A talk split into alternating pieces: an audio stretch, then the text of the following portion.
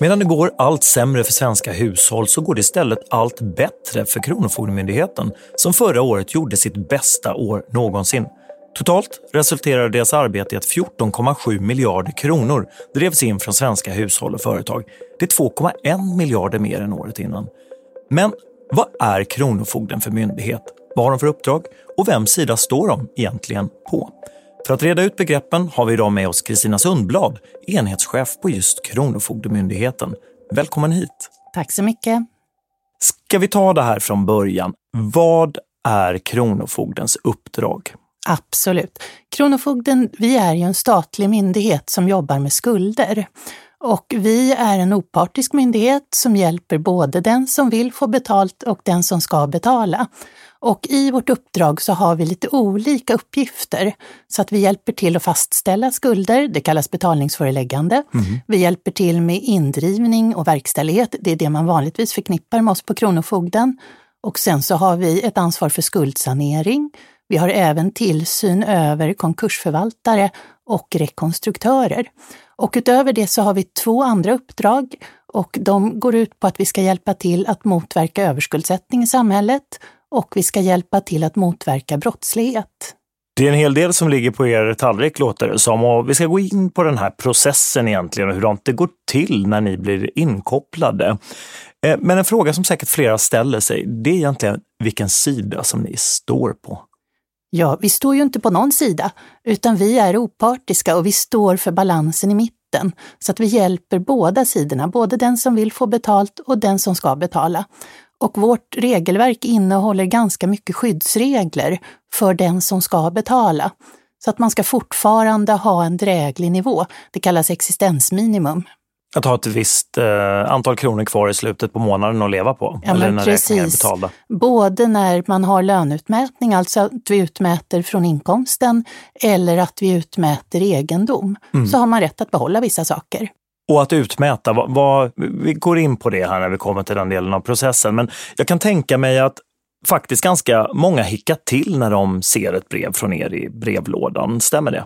Ja, men jag tror att det stämmer. Så att det finns nog fortfarande en bild av oss att vi hjälper de som ska få betalt ganska mycket, men vi är ju opartiska så att vi hjälper båda sidorna lika mycket. Och det är jätteviktigt. Har du svårt att betala, kontakta oss. Var aldrig rädd för att kontakta oss, utan vi hjälper till. Så att ring oss och titta på vår hemsida. Ja. Vad, vad är den vanligaste reaktionen ni får när ni hör av er? Det varierar, men ganska många blir faktiskt glada när man väl får kontakt med oss. Det kan låta förvånande tror jag. Kan du utveckla det? Tyvärr är det så att i samhället så finns det ganska mycket skam runt att ha en dålig ekonomi och det är skönt att prata med någon. Att kunna få hjälp och ta tag i sin situation. Väldigt många uppskattar det. Men hur orolig ska jag bli då om jag får ett brev ifrån Kronofogden?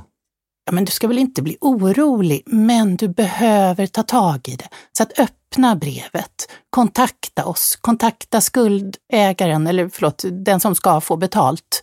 Så att se till att du inte sticker huvudet i sanden. Utan, Utan, det viktiga är att du agerar själv. Mm. Men många med en svår ekonomisk situation är ju rädda för att få betalningsanmärkningar. Eh, det kan påverka möjligheten att få jobb, det kan få påverkan för att skaffa olika typer av abonnemang och, och få lägenhet och så vidare. Kan du berätta, vad är en betalningsanmärkning? Det där är en vanlig fördom, att det är vi på Kronofogden som sätter betalningsanmärkningar eller prickar på folk. Och det är inte vi som gör det, utan då är det kreditupplysningsföretag som har ekonomiska register där det framgår om man har svårt att betala. Så att har man frågor runt det här, då ska man kontakta kreditupplysningsföretagen. Men generellt sett så gäller det ju att försöka att inte få en betalningsanmärkning eftersom det försvårar just att kanske få ett hyreskontrakt, köpa en mobil eller att få ett jobb. Mm. Men ni, ni, är alltså inte överhuvudtaget inblandad i betalningsanmärkningar. Va, vad tycker ni om systemet med att sätta betalningsanmärkningar? Jag tror att det är bra att det finns ett system så att fordringsägare kan se när de ska låna ut pengar om det finns möjligheter att få tillbaks pengarna. Det där handlar ju om att ha en sund kreditgivning så att man inte lånar ut mer pengar än vad som går att få tillbaka. Mm. Så det tror jag gynnar båda parterna. Hur stor del av svenskarna är det som har skulder hos er? Det är ungefär 3,7 procent av den vuxna befolkningen, så att vi har ungefär 461 000 personer i våra register. Har det ökat eller minskat? Det har minskat de sista åren. Det vi däremot ser är att skulden stiger, så att det är ett högre skuldbelopp. Mm. Och vad tyder det på? Ja, det är ju en bra fråga, men att man har större skulder helt enkelt. Är det någon speciell typ av skulder som driver på? Det vi har sett sista tiden, det är att unga kvinnor får mer problem att betala fakturaköp. Så det är saker som man köper eh, och sen omvandlas det ifrån att eh, det har varit en faktura till en kredit eller? Ja men precis, om du köper saker på nätet mm, mm. och så betalar du senare och sen betalar du inte, då blir ju det en faktura som kan gå till inkasso och om man inte betalar ändå så kan den komma till oss på Kronofogden inom betalningsföreläggandet så att skulden blir fastställd. Och i slutändan så kan det leda då till utmätning också. Vad krävs då för att jag som konsument ska hamna hos er på Kronofogden? Det är ju att du inte betalar dina skulder eller de fakturorna då, om du köper på nätet och inte betalar. Och då är det fordringsägaren väljer ju om man vill vända sig till oss på Kronofogden. Så att det är inte vi själva som äger några skulder. Det där är en vanlig fördom om oss. Mm. Men det är alltid en fordringsägare som väljer att vända sig till Men kan, kan ett företag när som helst skicka in en skuld till er? Eller är det olika steg de måste ha gjort först? Först så ska de skicka in, eller skicka en betalningspåminnelse och sen så kommer ett inkassokrav.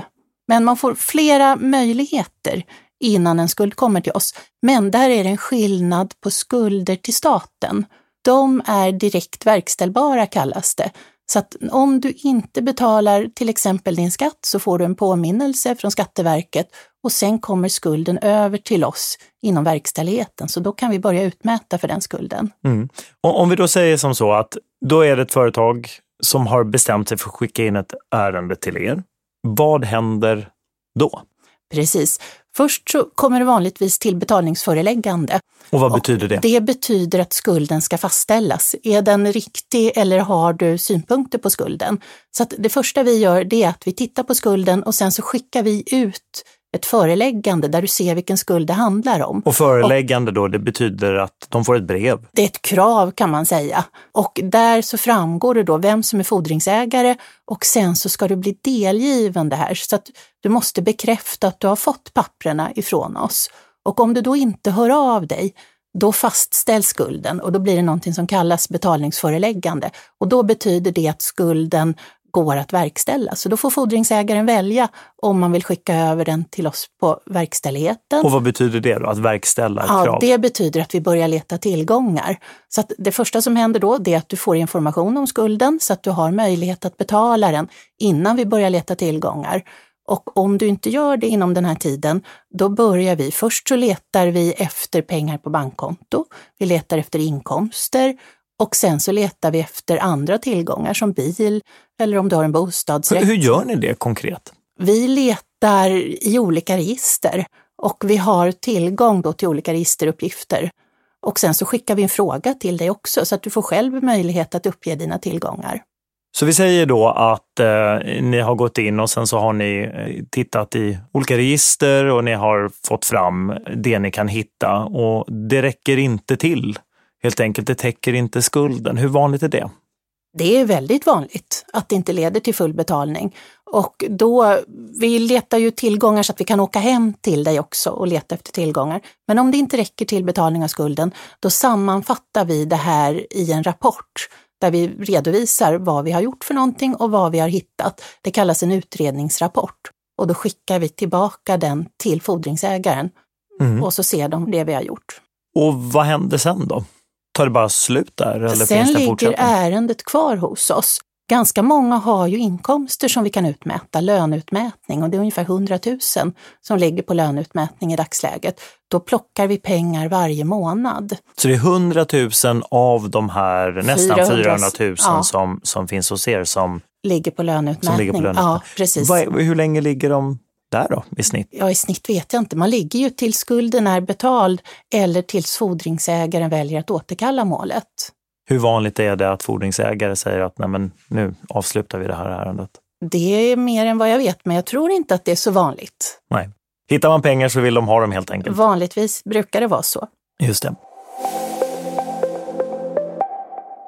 Varför hamnar då personer hos er? Är det, vad, vad är det som är upprinnelsen till det? Precis, och där kan det ju vara precis lika många orsaker som det finns människor. Så att ofta är det någon form av livshändelse som inträffar. Det kan vara så att det är ett dödsfall, en skilsmässa, att du blir arbetslös eller någonting som gör att du hamnar i en skuldsituation som du inte kan hantera. Eh, så det, här finns det verkligen en mängd olika förklaringar. Mm. Det kan vara så att du inte förstår riktigt hur det fungerar, att du, inte, att du lånar mer än vad du kan betala. Så det är därför det är så enormt viktigt med kunskap också runt det här, så att man inte köper saker på faktura som man inte har möjlighet att betala. Det finns ju program som Lyxfällan och där det ofta handlar om att du har köpt alldeles för många. Det är bilar och båtar och sju platt-tv-skärmar och liknande. Hur vanliga är de situationerna? Det är klart att det förekommer och det är det vi ser mer och mer nu runt unga kvinnor. Att det är fakturaköp som du inte väl, väljer eller kan att betala. Risken är att du har handlat då för mer än vad du kan hantera just nu. Mm. Är, det, är det vanligt att det bara är slarv? Det förekommer också, men det är absolut inte majoriteten. Men det är också en uppmaning att använda oss som ett autogiro. Det är ett väldigt dyrt autogiro. För att när vi blir inkopplade så är det förenat med avgifter. Så att vi ser tyvärr sådana situationer ibland att det kommer skulder och sen kan vi utmäta med löneutmätning och sen kommer det, skulden bli betald och sen kommer en ny skuld. Gör inte så, det är så dyrt och så onödigt och du får betalningsanmärkningar. Hur mycket är de här avgifterna? Det är 600 kronor i grundavgift per skuld och år. Ja. En nyhet som kom förra året är ju att ni kan mäta ut tillgångar på distans. Vad innebär detta? Ja, men precis. Det här är en del i vår samverkan med myndigheter för att motverka brottslighet. Så att det här är en lagstiftning som vi har drivit väldigt länge att vi behöver. Och den innebär att vi samarbetar med polisen. Så att när polisen är ute, då ser de i sin mobiltelefon, om de stoppar någon, att personen i fråga har skulder. Och hittar de då en tillgång, till exempel att man kör runt i en dyr bil eller att du har en fin klocka eller guldkedjor på dig, då kan de kontakta oss och så kan vi utmäta egendomen. Och då säkerställer vi egendomen genom att vi meddelar polisen. Så att det här är ju ett väldigt bra sätt för oss att hitta tillgångar som vi inte hade hittat annars. Och det som är så enormt bra med det här, är att det leder till att det är tråkigare med en kriminell livsstil. Om du inte får behålla dina tillgångar och statusmarkörer så blir det lite mindre attraktivt att vara kriminell. Så att det här är ju myndigheter som samverkar tillsammans. Fungerar det? Ja, det gör det. Så att vi har aldrig drivit in så mycket den här vägen som från det att vi fick reglerna förra året. 73 miljoner drog vi in, eller utmätte vi för. Och hur stor del från det bedömer man kommer ifrån eh, organiserad brottslighet? Den absoluta majoriteten. Låt oss titta lite mer på svenskarnas ekonomiska situation. De senaste tio åren har ju det sammanlagda skuldbeloppet hos Kronofogden stigit från 67 miljarder till idag över 100 miljarder kronor. Vem bär ansvaret för det här? Oj, det är en mycket bra fråga och jag tror att det är svårt att peka ut någon som bär ansvaret utan kan det vara en ändrad bild på krediter i samhället? Att det har blivit lättare att låna? Det finns pengar som du kan låna bara ett par knapptryckningar bort när du sitter i soffan på fredagskvällen. Så att jag tror inte att man kan peka ut någon, men det är viktigt att vi försöker hitta lösningar i samhället. Jag tror väldigt mycket på en bättre kreditprövning innan man lånar pengar. Både så att du som kreditgivare ser att du har möjlighet att få tillbaks pengarna, men också att du som den som vill låna pengar faktiskt får ett nej ibland.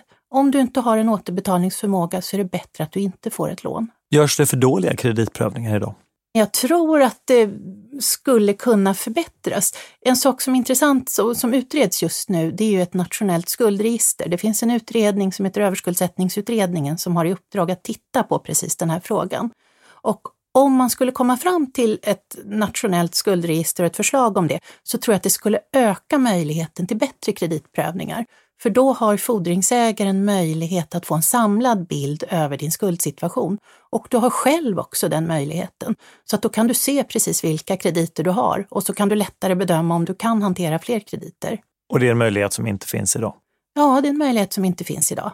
Vad gör ni på Kronofogden då för att hjälpa folk till en bättre finansiell situation? Vi jobbar mycket med information, så att vi samverkar med andra och sen handlar det just om information.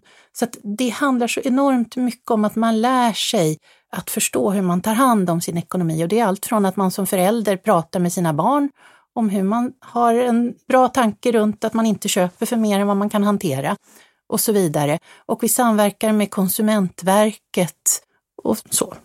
160 000 har ju haft skulder hos er i över tio år. Vad kan samhället göra för att hjälpa de här personerna? Den möjligheten som finns i dagsläget är ju skuldsanering. Så att där handlar det ju om att försöka få de som har möjlighet att få skuldsanering att förstå att den chansen finns och se om de har möjlighet då att ansöka om det. En väldigt bra väg att gå där, det är att ta kontakt med sin budget och skuldrådgivare för att få hjälp och se om det går. Sen så på vår hemsida så har vi någonting som kallas skuldsaneringstestet, så där kan man prova och se om man troligtvis skulle kunna få skuldsanering. Vilka regeländringar skulle du vilja se då för att eh, hindra att fler går in i överskuldsättning? Jag tror mycket på ett nationellt skuldregister. Jag tror att det är där som det finns de stora vinsterna att hämta.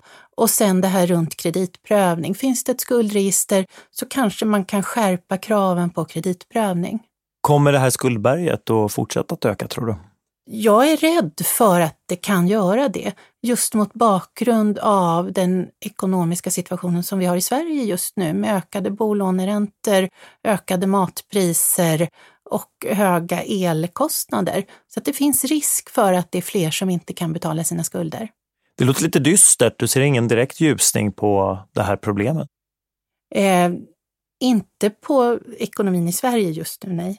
Detta säger alltså Kristina Sundblad, enhetschef på Kronofogden. Tack för att du kom hit. Tack så mycket för att jag fick komma och prata om detta angelägna ämne. Producent idag Julia Mastell och jag heter Fredrik Skärheden. Tack för att du har lyssnat.